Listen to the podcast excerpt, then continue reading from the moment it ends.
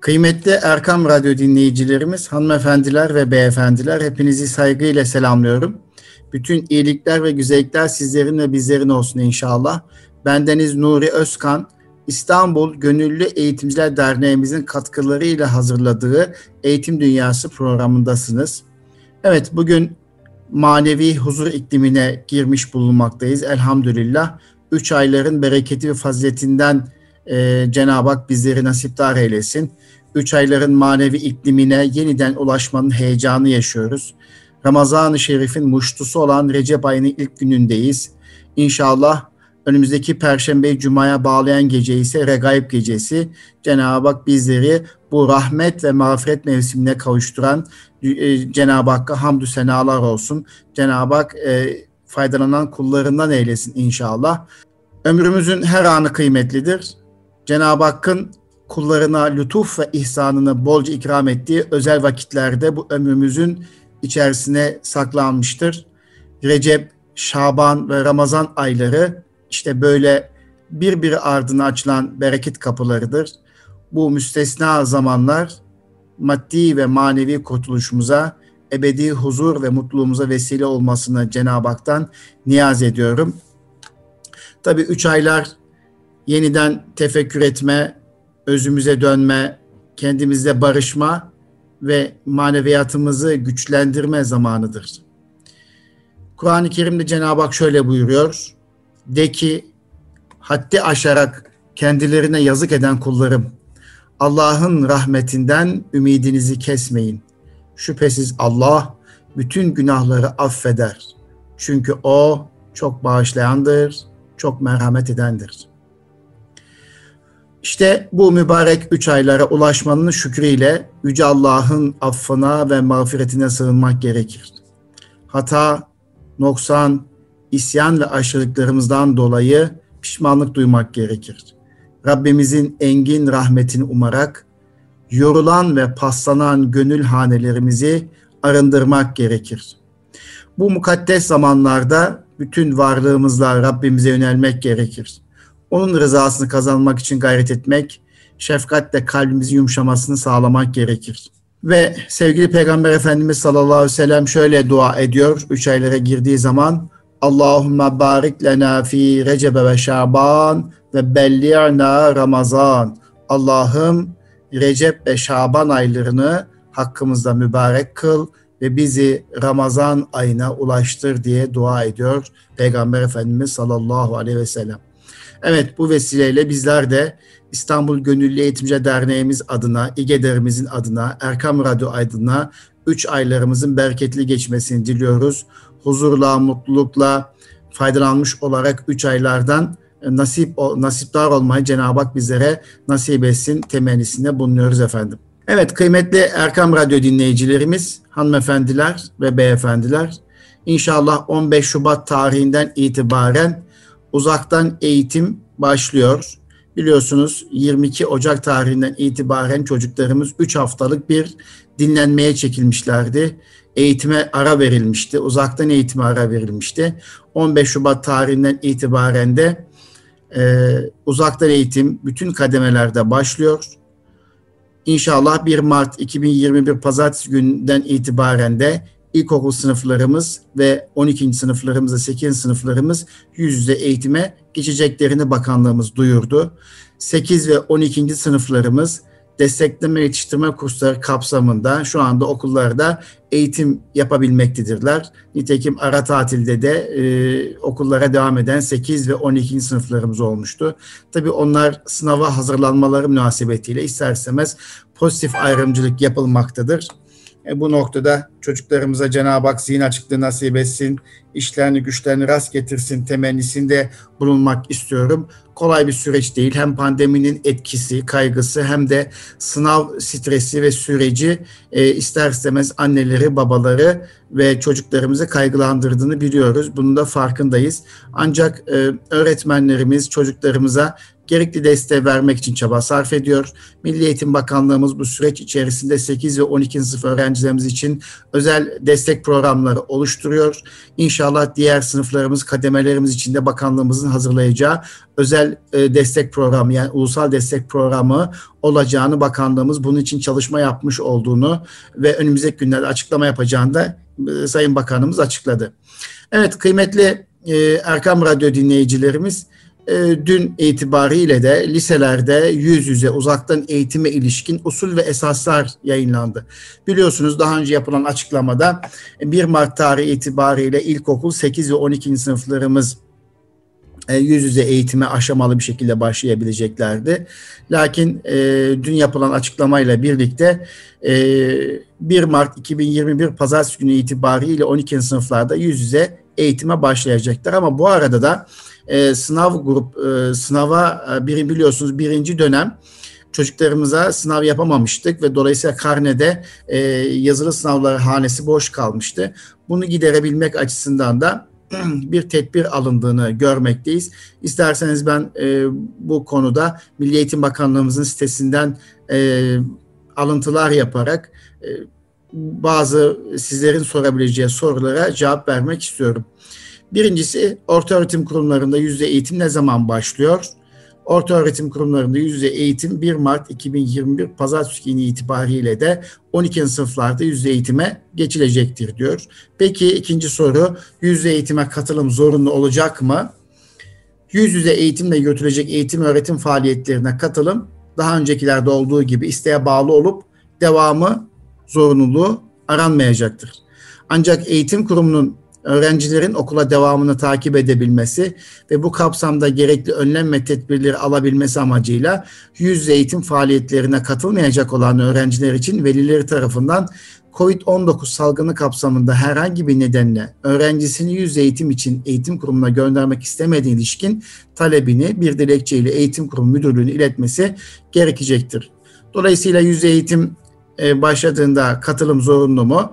E, katılım zorunlu değil. E, ancak e, salgın tedbirleri kapsamında çocuğumuz okula gidemiyorsa bununla alakalı veli talebini okul müdürlüğüne ulaştırması gerekiyor. Yüz yüze eğitim 12. sınıflarda kaç saat e, olacak? Yani 12. sınıflara kaç ders saati verilmesi planlanıyor?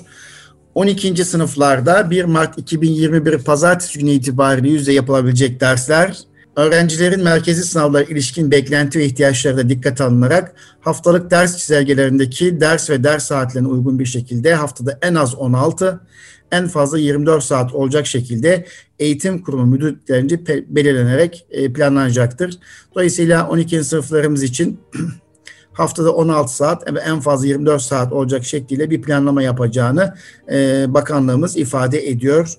Yani 8-8-16 e, saat, günde 8 ders saat olursa 2 günde 16 saat, günde 6 ders saat olursa 4 günde 24 saat olacak şekilde bir planlama görünüyor. Dolayısıyla inşallah 12. E, sınıflarımıza hayırlı uğurlu olmasını diliyoruz. İkinci dönemde işletmede beceri eğitimine devam edilebilecek mi? Hani bu meslek ve teknik orta öğretim kurumlarını ilgilendiriyor bu mesele. İkinci dönemde de işletmede beceri eğitimine devam edilebilecek mi? Mesleki ve teknik orta öğretim kurumlarında birinci dönem itibariyle işletmelerde beceri eğitimine devam edenler ile ikinci dönemde devam etmek isteyenler durumları değerlendirilerek 15 Şubat 2021 Pazartesi gününden itibaren söz konusu eğitime devam etmeleri sağlanacaktır. Yani mesleki ve teknik orta öğretim kurumlarında okuyan çocuklarımız işletmelerde beceri eğitimine devam edebileceklerdir 15 Şubat 2021 Pazartesi gününden itibaren. Yatılı okullarda pansiyonlar veya yatakhaneler açık olabilecek mi? Yüz yüze eğitim ve öğretim devam edeceği süre ile ölçme ve değerlendirme uygulamalar sürecinde barınma ihtiyacı olan öğrenciler talep etmeleri halinde durumlarına uygun paralı, parasız yatılı olarak ilgili mevzuat hükümlerine göre okul pansiyonlarını yararlandırılacak olup sınavlar pansiyonu bulunan eğitim kurumlarında pansiyonda yoğunluk oluşturmayacak şekilde planlanacaktır mesleki ve teknik ortaöğretim kurumları ile güzel sanatlar ve spor liselerinde öğrenim gören öğrencilerin barınma talepleri ise kayıtlı oldukları program türü ile alan dalının bulunduğu okulların pansiyonlarında e, karşılanacaktır. E, dolayısıyla yüz yüze eğitimin devam ettiği sınıflar için ve mesleki ve teknik orta öğretim kurumları için de e, okul pansiyonları e, açık kalacak gerekli tedbirler alınmak koşuluyla. 12. sınıfların yüz yüze yapılamayan dersleri ile diğer sınıfların dersleri nasıl yapılacak? Soru bu. 12. sınıfların yüz yüze yapılamayan dersleri ile diğer sınıfların dersleri nasıl yapılacak? Yüz yüze planlanmayan 12. sınıf dersleri ile diğer sınıfların dersleri uzaktan eğitim kapsamında yürütülecek.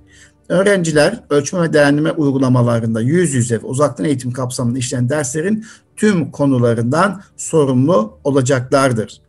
Yani buradaki soru şu 12. sınıfta bazı dersler yüzde yapılırken bazı dersler isterseniz yüzde yapılamayacak. Ee, onlar nasıl olacak ve nasıl değerlendirilecekti? Dolayısıyla 12. sınıf dersleri ile diğer sınıfların dersleri uzaktan eğitim kapsamında yürütülecek. Yüzde yapılan planlanamayan e, derslerden bahsediyoruz burada. Birinci dönemde sınav yapılamayan derslerden sınav yapılacak mı? E, bu çok önemli bir soru. Birinci dönemde sınav yapılamayan derslerden sınav yapılacak mı?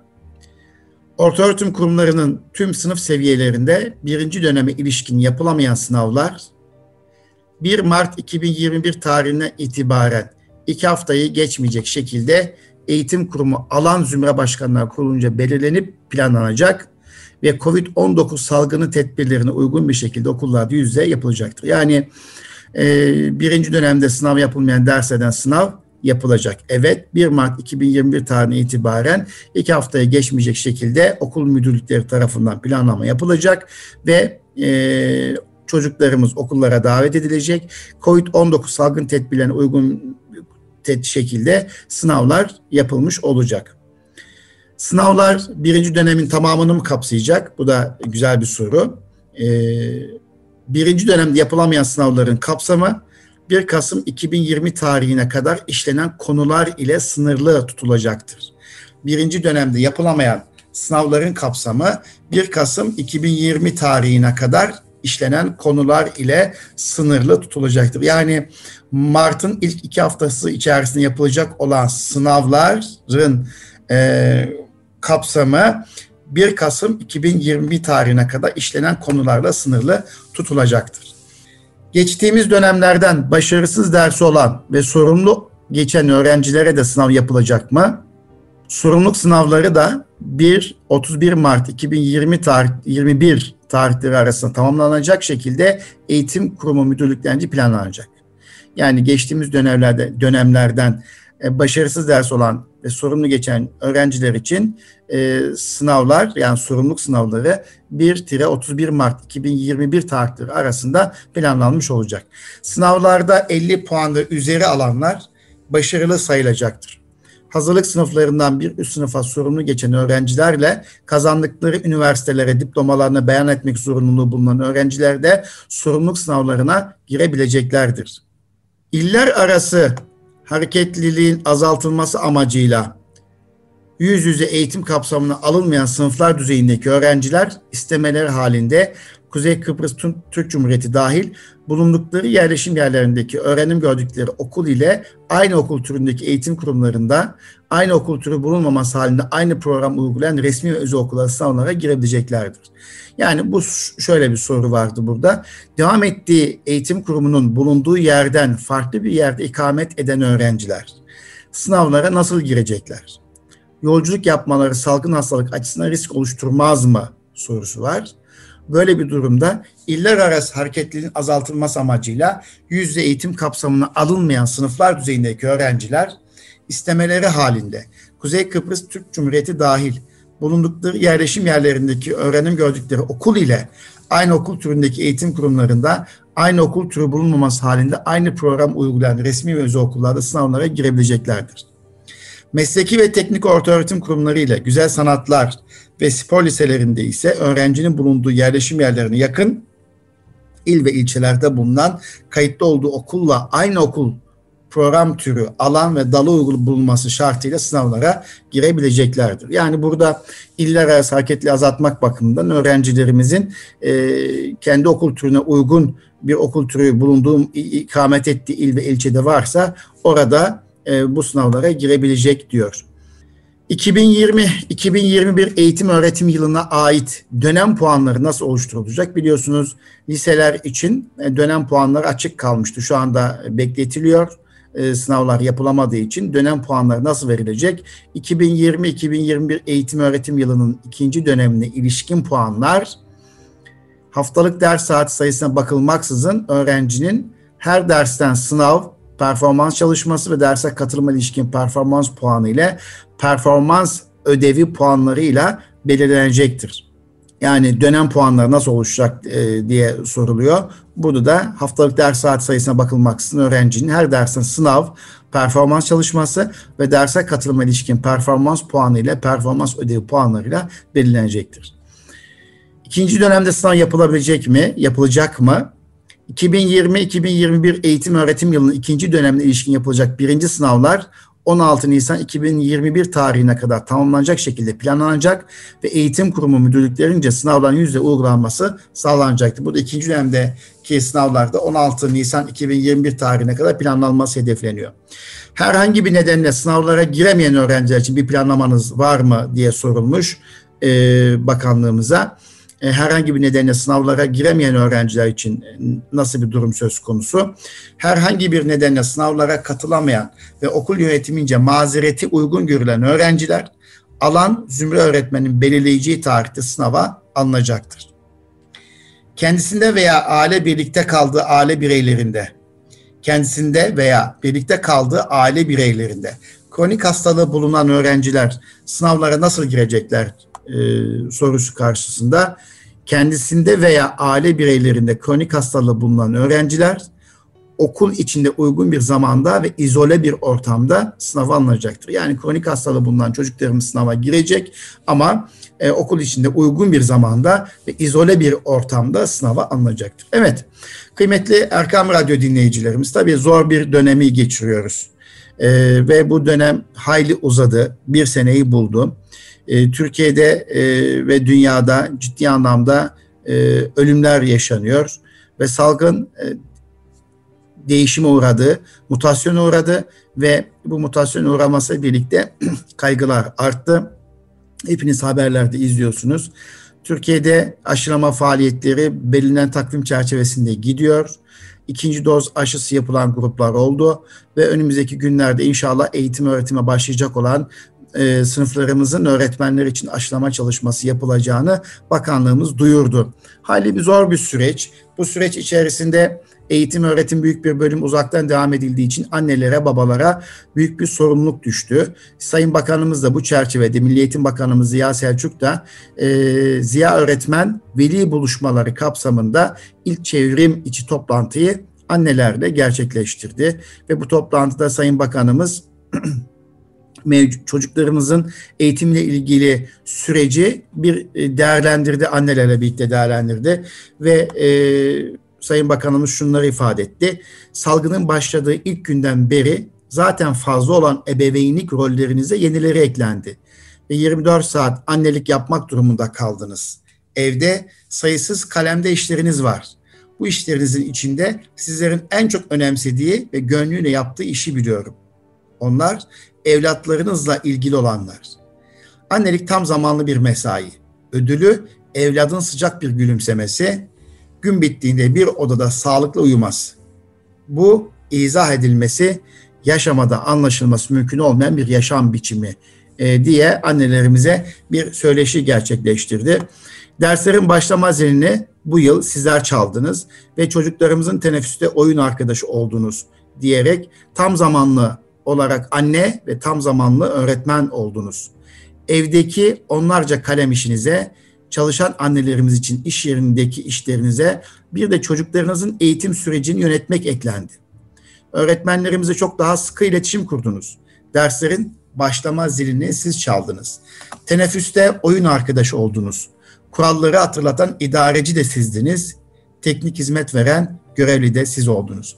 Yine Sayın Bakanımız biraz önce benim de ifade ettiğim gibi ulusal destekleme programından annelerimize bahsetti. Özellikle ulusal destekleme programı ile çocuklarımızın her bir çocuğumuzun ihtiyacı olan destekleme eğitimini alabilme imkanı sunulacağı ifade ederek şöyle devam etti. Bu program yani ulusal destekleme programı her bir çocuğumuzun ihtiyacı olan destekleme eğitimini alabilmesine, varsa açığını kapatmasına, yoksa bilgisinin pekişmesine yarayacak e, diye ifade etti. Ve yine biraz önce bizlerin ifade ettiği gibi 1 Mart'ta 15 Şubat'ta köy ve benzeri serik nüfus yerleşim yerlerinde eğitim öğretim yüzde başlayacak. Ee, ancak 1 Mart'tan itibaren ise ilkokullarda ve, ve bu ilkokulların bünyesindeki ana sınıflarıyla özel eğitim sınıflarında haftada iki gün yüz yüze eğitim yapılacağını, 8 ve 12. sınıflarda ise seyreltilmiş sınıflarda tam zamanlı yüz yüze eğitime başlanacağını hatırlattı Sayın Bakanımız. E, velilerimize, annelere daha doğrusu güzel bir söyleşi gerçekleştiğini ben de takip ettim. Sayın Bakanımızın diline sağlık. Tabii Sayın Bakanımız bu süreçte e, tabii zor bir süreç, kolay bir süreç değil. Bazen bizler de eleştiriyoruz. E, yani alınan kararları özellikle e, okulların e, sıklıkla tatil edilmesi, uzun süre tatil edilmesi ilgili kararları veya e, bazı e, kararların tekrar ertelenmesi vesaire gibi ama bununla birlikte gerçekten zor bir dönemin bakanı bunu da kabul etmek lazım. İsterseniz vereceği kararlar tek başına değil, bilim kurulunun tavsiyeleri, Sağlık Bakanlığı'nın önerileri doğrultusunda karar vermek zorunda kaldığını biliyorum. Bu arada kamuoyundan da ciddi bir şekilde okullar açılsın veya okullar uzaktan devam etsin şeklinde ciddi bir şekilde kıyasıya bir e, dilekçe başvuruları var, e, öneri ve şikayet başvuruları var. Hal böyle olunca böyle bir çıkmazın içerisinde Sayın Bakanımız da uzaktan öğretmenlere erişim sağlıyor. Okul yöneticilerine erişim sağlıyor ve en sonunda ve ilk gerçekleştirdiği velilere veli buluşması çerçevesinde annelerle bir sohbet etti ve o sohbetin sonunda da evlatlarımızın, öğretmenlerimizin ve tüm toplumun sağlığını önceleyerek gerektiğinde illerin koşullarına uygun olarak öğrencilerimizi okullarına kavuşturmak temennisindeyiz diye söyleşisini bitirdi. Tabi burada iki gün önce e, Sayın Bakanımızın açıkladığı gibi bölgesel e, karar mekanizmasına geçildi. Ne paylaştı Sayın Bakan, Milli Sağlık Bakanı? E, şimdi bölgesel olarak bazı kararlar verilerek işte esnafı rahatlatma, okulları rahatlatma ve bazı sınırlamaları kaldırma noktasında bir stratejiye geçildiğini e, duyurdular. Belki gecikmiş bir karardı, stratejiydi. Çünkü Türkiye'nin her tarafında ki salgının seyri e, aynı değil. E, hiç salgın yaşanmadığı illerimiz veya ilçelerimiz veya köylerimiz mevcut. Ama hiç salgın yaşanmadığı illerde, ilçelerde ve e, köylerde de esnafa uygulanan tedbirler aynı, sokağa çıkma kısıtlaması aynı. İster istemez bu noktada e, bilim kurulu herhalde bazı durumları fark etti ki bölgesel olarak yönetme ve valiliklerin il hıfzı sağ kurullarının alacağı kararlar doğrultusunda süreci yönetme noktasına geçildiğini biliyorum. Bakanımızın e, sayın annelere veli buluşmasında annelere söylediği ulusal destekleme programı da oldukça önemli. UDEP adını verilen ulusal destekleme programında her bir çocuğun hakkı için hakkıyla çalışan bir sistem olarak tanımlıyor Sayın Bakan. E, her bir çocuğun hakkı için hakkıyla çalışan bir sistem kuruluyor ve o hak çocuklarımıza teslim edilecek dediği ulusal destekleme programı dijital altyapısı çalışmaları son aşamaya geldiğini ifade ediliyor. Ne amaçlanıyor bu programda? Hangi çocuk derse girdi, hangisi girmedi? Hangi çocuğa öğretmeni ne ödevi verdi? O çocuk ödevi yaptı mı, yapmadı mı? Soruyu çözemediyse neden çözemedi? Kitap okumak için girdiği dijital sayfada kaç dakika kaldı? Canlı derste kaç kere söz aldı? Bunların hepsi velilerin de bizim de sormamız gereken sorular ve biz bunların cevabını süreleriyle, saniyeleriyle e, bu ulusal destekleme programı sayesinde e, bileceğiz diyor. Peki bu ne işe yarayacak? Bu her çocuğun ihtiyacı olan destekleme eğitimini almasına, ulusal destekleme programından tam da ihtiyacı ölçüsünde yararlanmasına, varsa açığını kapatmasına, yoksa bilgisinin pekişmesine yarayacak ve bakanlığımızda inşallah çok yakında bu ulusal destekleme programının sistemini, detaylarını paylaşacak ve e, buradaki slogan çok önemli. Her bir çocuğun hakkı için hakkıyla çalışan bir sistem diyor Sayın Bakan. Biz de inşallah bu sistemin hayırlara vesile olmasını Cenab-ı Hak'tan diliyoruz efendim. Şimdi efendim e, geçtiğimiz hafta biliyorsunuz İstanbul Gönüllü Eğitimciler Derneğimiz İGEDER katkılarıyla hazırlanan bir program gerçekleşti. bu programda bu programda e, İGEDER Geleceğin Öğretmeni adı altında e, bazı hocalarımızı davet etti ve Geleceğin Öğretmeni adı altında ciddi anlamda sunuşlar gerçekleştirdi.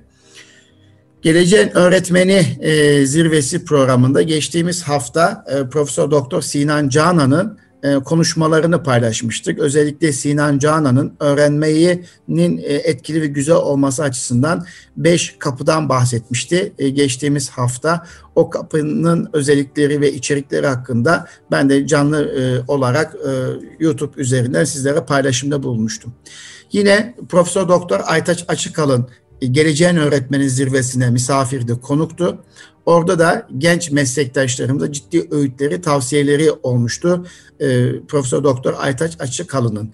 Aytaç Açıkalın benim e, yüksek lisans hocam aynı zamanda ve hayli e, yaşına rağmen hala genç ve dinamik bir şekilde gençlerin yetişmesine, öğretmenlerin yetişmesine hocalık ediyor. Gerçekten azmine hayranım, e, onun performansına hayranım. Onu o şekilde ifade etmek istiyorum. E, Aytaç Açıkalın hocamızın çok sık söylediği bir söz. Dünün güneşiyle bugünün çamaşırlarını kurutamazsınız der Aytaç Açıkalın. İşte e, bugünkü eğitim dünyamızın kalan kısmında da geleceğin öğretmeni zirvesi e, İGEDER tarafından düzenlenen Geleceğin Öğretmeni Zirvesi'nde konuşma yapan Profesör Doktor Aytaç Açıkkalın'la sizi baş başa bırakmak istiyorum. Özellikle orada genç meslektaşlarımıza dönük, eğitimcilerimize dönük ciddi tavsiyeleri var. E, hedef nedir, amaç nedir? Bu çok önemli bir ayrım. İşte e, hedef uzak mıdır yoksa amaç mı uzaktır? Hangileri birbirinden farklı? Bunun da net bir şekilde anlattığı güzel bir söyleşiyle sizi baş başa bırakmak istiyorum efendim. Benim bugünkü hedefim bu. Şimdi öğretmen arkadaşlarımı ve adaylara şunu söylüyorum. Okulda kullanılan amaç ve hedef sözcüklerini lütfen birbirinden ayırın. Bir derse giriyorsunuz. O dersin, o girdiğiniz dersin amacı değildir o sizin o derse ilişkin hedefinizdir. O hedefler gerçekleştirilerek Türk Milli Eğitim'in amaçları gerçekleşir. Yani siz 40 dakikalık bir şeye neden? Hedef yakındır. Görülür, ölçülür, değerlendirilir. 45 dakikanın sonunda dersten çıkarken ne yaptığınız bellidir eğer usta bir öğretmenseniz veya buna gönlünüzü koymuşsanız. Askerliğini yapanlar çok iyi bilirler hedefin ne olduğunu. Yakındır gide bakarsın vurup vurmadığını görürsün. Bu eğitimde de böyledir. Şimdi hocam takdim ederken 86 dedi, 85 dedi. Efendim işte dinozordur dedi. Biraz. Benim size önerim şu. Birisini dinlerken sakın özgeçmişine gitmeyin. Çünkü dinlemenizi etkiler o. Siz insanların kim olduğuna değil, ne söylediğine bakın. Yani kişinin değerli kısmı düşünceleridir. O nedenle insanları değerlendirirken düşüncelerine de, dayalı olarak değerlendirin. Çünkü dediği doğrudur. Ben 60 yıllık eğitimciyim. 1955 yılında ilkokul öğretmen oldum. Öğretmen okullarında çalıştım yıllarca. İl Milli Eğitim Müdürlüğü yapan ama benim bunlarda ilişkin deneyimlerim sizin bir işinize yaramaz. Çünkü dünkü güneşle bugünkü çamaşırlar kurutulmaz. Benim yaşadığım o dönemdeki öğrenciler yok, öğretmenler yok, okul yok, müfredat yok, yönetim yok. O nedenle siz benim bugün getireceğim farklı yeni şeylere özen göstermeye çalışın. Ben size deneyimlerimden değil, düşüncelerimi getiriyorum. Şunu da söyleyeyim. Ben bugün burada sizinle konuşuyorum, düşüncelerimi söylüyorum. E belli olmaz, Allah nasip eder. Bir sene sonra, iki sene sonra, hatta iki sene çok olur. Bir sene sonra sizinle karşılaştığımda farklı şeyler söyleyebilirim. Ama hocam geçen sene böyle demiştiniz. Olabilir. Düşüncelerimi değiştiriyorum. Düşünceler değişmiyor. Kabuğunu yenilemeyen yılan ölür düşüncelerinizi, paradigma dedikleri düşünce kalıplarınızı gözden geçirin, değiştirin. Değişmezseniz ölürsünüz. Yani stabil hale kalırsınız. Şimdi birincisi şu, ben size ne dedim? Bilgilerimi de getirmedim. Benden yani şimdi ben size bilgilerimi aktaracağım. Yok böyle bir şey. Öğretmen olarak bu numaraya yatmayın. Şimdi bilgi burada. Ne diyor? Bilgi çipte, sonra cepte. O nedenle artık bilginin bir değeri yok. Eskiden bilgili öğretmenler vardı. Öyle benim bir müdürüm vardı. Bütün Tebliğ dergisini ezbere bilirdi. Hayran olur. Hayır hiçbir değeri yok. Açarsınız da okunursunuz da. Peki nedir değeri olan? Değeri olan düşüncedir. Ne düşünüyorsunuz? Burada hemen bir şey söyleyeyim. Sözün en sonuna gelecek o. Bir soru kısmı açılmış bu tür toplantılarda. Soru soracaklar. Bana soru sormayın, peşin söylüyorum. Soru sormak insanları rahatsız eder. Öğretmen olarak da öğrencilerinize koridordasınız da şimdi sen ben sana bir şey soracağım dediğiniz anda çocuk paniklenmiştir. Ne bildiğini de unutuyor. Peki hocam bunun şeyi ne? Sosyal yaşamda bir şey öğrenebilir miyim diye girin. Bir şey öğrenebilir miyim? Mesela Sinan hocamdan bir şey öğrenebilir miyim dedim. Çok öğrendim. Teşekkür ediyorum ona. E, diğer davranışlarda ya da şeylerde öğrenciye mesela sana bir şey soracağım ya da sana soracağım demeyin. Sen ne düşünüyorsun? Bize düşünen öğrenciler yetiştirin.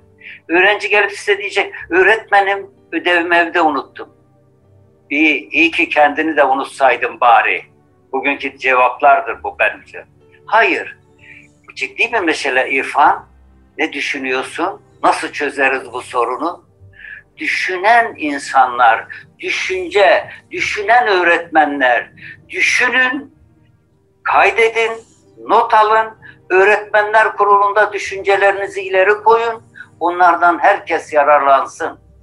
Düşünmeyen insanların ülkesinde demokrasi olmaz, gelişme olmaz, e, hayal olmaz. O da bir düşünmek de bir hayaldir. Şimdi öğretmenlik insan mesleğidir. İnsan gelişim mesleğidir daha doğrusu. Özgün e, insan öyle ben diyeyim öyle eşrefi mahlukat falan değildir. Bu ne zaman eşrefi mahlukattır? İnsan doğanın bir parçası olup doğanın diğer parçalarına saygı gösterdiği zaman eşrefi mahlukattır. Şerefli bir konumdadır. Peki insanın neyidir önemli olan? Ben seneler önce personel yönetimi kitabı yazdım. Sonra düşüncemi değiştirdim. Baktım ki personel kelimesi hem de Türkçe değil vesaire. İnsan kaynağının yönetimi kitabını yazdım. Baktım ki insan kaynağı lafı ağır geliyor. Ya da yönetimi, insanın yönetimi ağır geliyor insan kaynağının geliştirilmesini yazdım. Sonra baktım ki insan kaynak mıdır? İnsan maden midir diye baktım. Şimdi Allah nasip ederse elimin altında yazmaya çalışıyorum ömrümü vefa ederse. insan kıymetinin geliştirilmesi. İnsan bir kıymettir. Nasıl bir kıymettir? Demin Sayın Hocamın söylediği, insan bir kodla geliyor. Bir DNA yapısıyla geliyor, bir gen yapısıyla geliyor. Ve her insan parmak izi gibi bir tanedir. Düşünebiliyor musunuz? Dünyada mesela şimdi alayım Cemal Bey alayım. Cemal Bey'den Cemal Bey Allah e, nasip etti, doğdu geldi. Ondan evvel Cemal Bey gibi bir insan yaşamadı bundan sonradaki Cemal Bey gibi birisi gelmeyecek dünyaya. Onun için Cemal Bey'in annesi diyordu benim oğlum bir tane. Evet, her insan bir tane. Öğretmenim bunu zihninin, duygularının ya da felsefenin merkezine yerleştirebiliyor musunuz? Her insan bir tane. Eğer bunu ederseniz insana kıyamazsınız, öldüremezsiniz, ağır söz söyleyemezsiniz. İnsan fıtrat üzere doğar. Bunu bizim şey e, arkadaşlarımız üzerinde konuşanlar genellikle insan fıtrat üzere doğar, e, İslam fıtratı üzerine doğar derler. Ben Diyanet'ten araştırdım. Hayır, cümlenin aslı, şeyin aslı insan fıtrat üzere doğar. Ve bu mükemmel yaratılmıştır insan. Özürlüleri belki dişle koyarsa. Öz, ö, mükemmel insan. Öğretmenim, öğretmen olacak genç arkadaşlarım. Size ilk Aytaç Açıkal'ın önerisi şu. Bu mükemmelliği bozmayın. İnsan mükemmel yaratılmıştır. Mükemmelliğini bozmayın. Örnek vereceğim. İnsan yürür. Her insan yürür. Biraz geç, biraz erken yürür. Bu onun genetik yapısında vardır. Yürümeye meyletmiş çocuklar sürünürler. Bir yerlere asılırlar. Kalkmaya gayret ederler. Bozma hemen başlar. Yuvarlak bir şey getiriyorlar ten, e, tekerlekli. içine koyuyorlar yürüteç. Çocuk onun içinde yürüyor. İşte şimdi siz onun yapısını, genetiğini bozdunuz. Bakın size İslam'ın kutsal kitabı Kur'an'dan bir ayet getiriyorum. Rum suresi 30. ayet. Böylece sen batıl olan her şeyden arınmış olarak yüzünü kararlı bir şekilde Allah'ın insanları üzerinde yarattığı fıtrata çevir.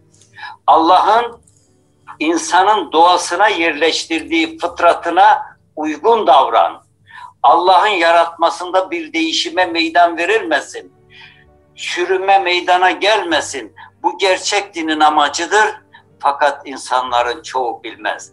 Bayraktar Bayraktar'ın mealinden aldım. Bozmayın. Mükemmel yaratılmış olan bu şeyi evvela bozmayın. Peki ondan sonra hocam şunu diyelim. İnsan dünyaya niye geldi? Hemen bunun da cevapları hazırdır. Niye mi geldi? O belli. Deneneceksiniz, sınanacaksınız. Geçenlerde bir tanesi de bu cümlenin sonuna dedi ki yanacaksınız. Öyle de bir yanacaksınız. Niye yanalım? Dünyaya biz yanmaya falan gelme. Peki niye geldi dünya? Bir, insan yaşamak için geldi. İki, gelişmek için geldi. Üç, mutlu olmak için geldi. Dört, üremek için geldi. Bu yaşama hakkı dediğimiz şey budur. Devlet, toplum insanın yaşamına saygı duymalı, katkıda bulunmalıdır. Efendim söyleyeyim, mutlu olmalı. Gelişmek dediğimiz şey işte bu kurum bir gün bizim elimizde dediğimiz öğretmenlik, okul ve bilmem şeyler insanın bu gelişim, insan kıymetini geliştirmektir. İnsanın bu kıymetli gelmiş şeyi geliştirin. Nedir? Ders mi yapacaksınız? Oyun mu oynatacaksınız? Orasını şimdi biraz sonra gelin. Peki mutlu olma insan yaşamını sürdürebilir, gelişebilirse, nasıl gelişebilirse o genetik yapısına uygun ortamlarda gelişebilirse. insanın genetik yapısına uygun ortamlar oluşturur, insan gelişir. O nedenle bu gelişimi sizinle paylaşmak istiyorum. Benim düşüncelerim size sivri gelebilir. İçinizden yok ya böyle şey olmaz burası Türkiye diyebilirsiniz.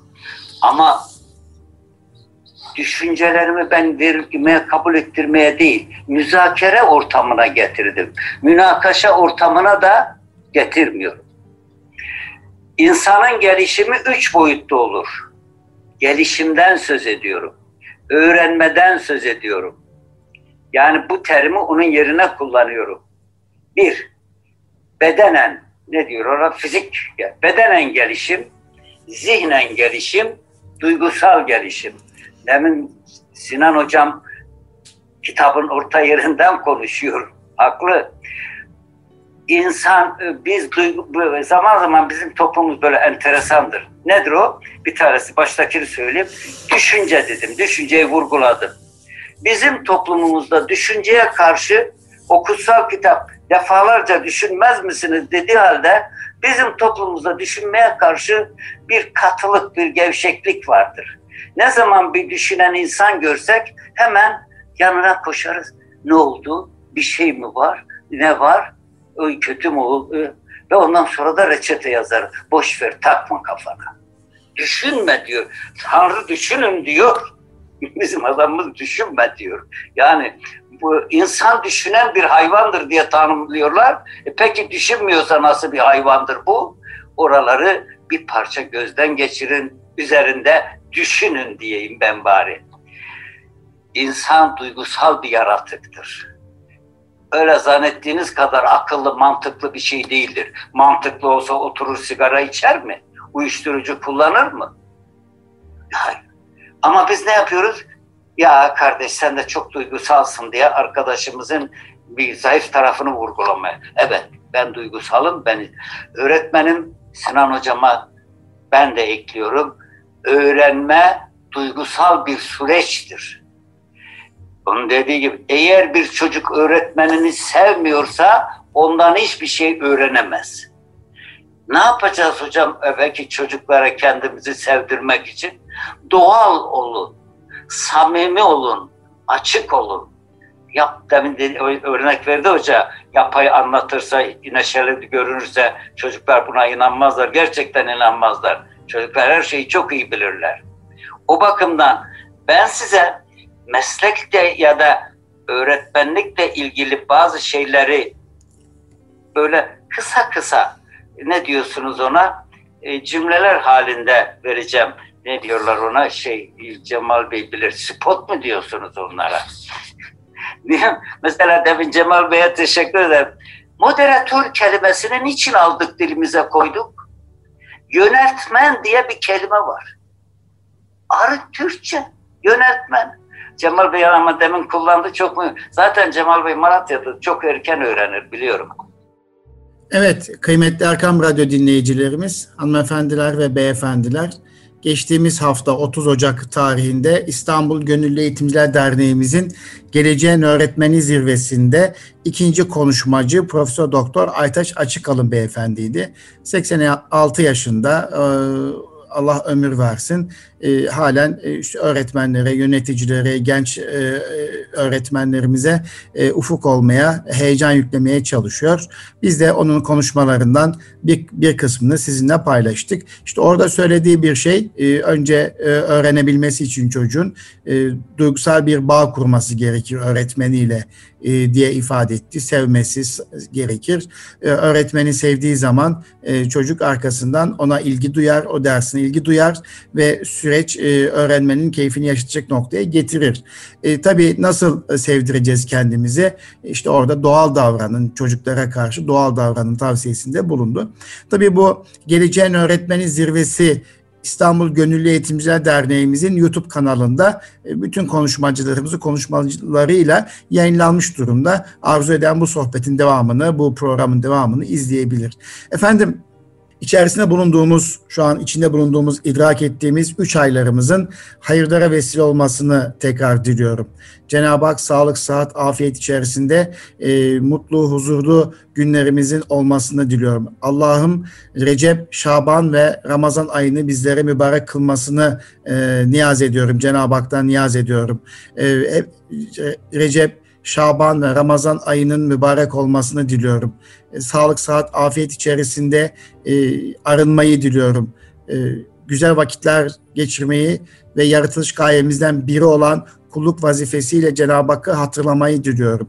Kur'an-ı Kerim'i okumayı, anlamayı, onunla vakit geçirmeyi diliyorum. Cenab-ı Hak hayırlı işler yapmayı bizlere murad etsin. İnşallah hayırlı işlerimizi yapma noktasında bizlere güç versin. Bizler de hayırlı işlerimizi yapalım.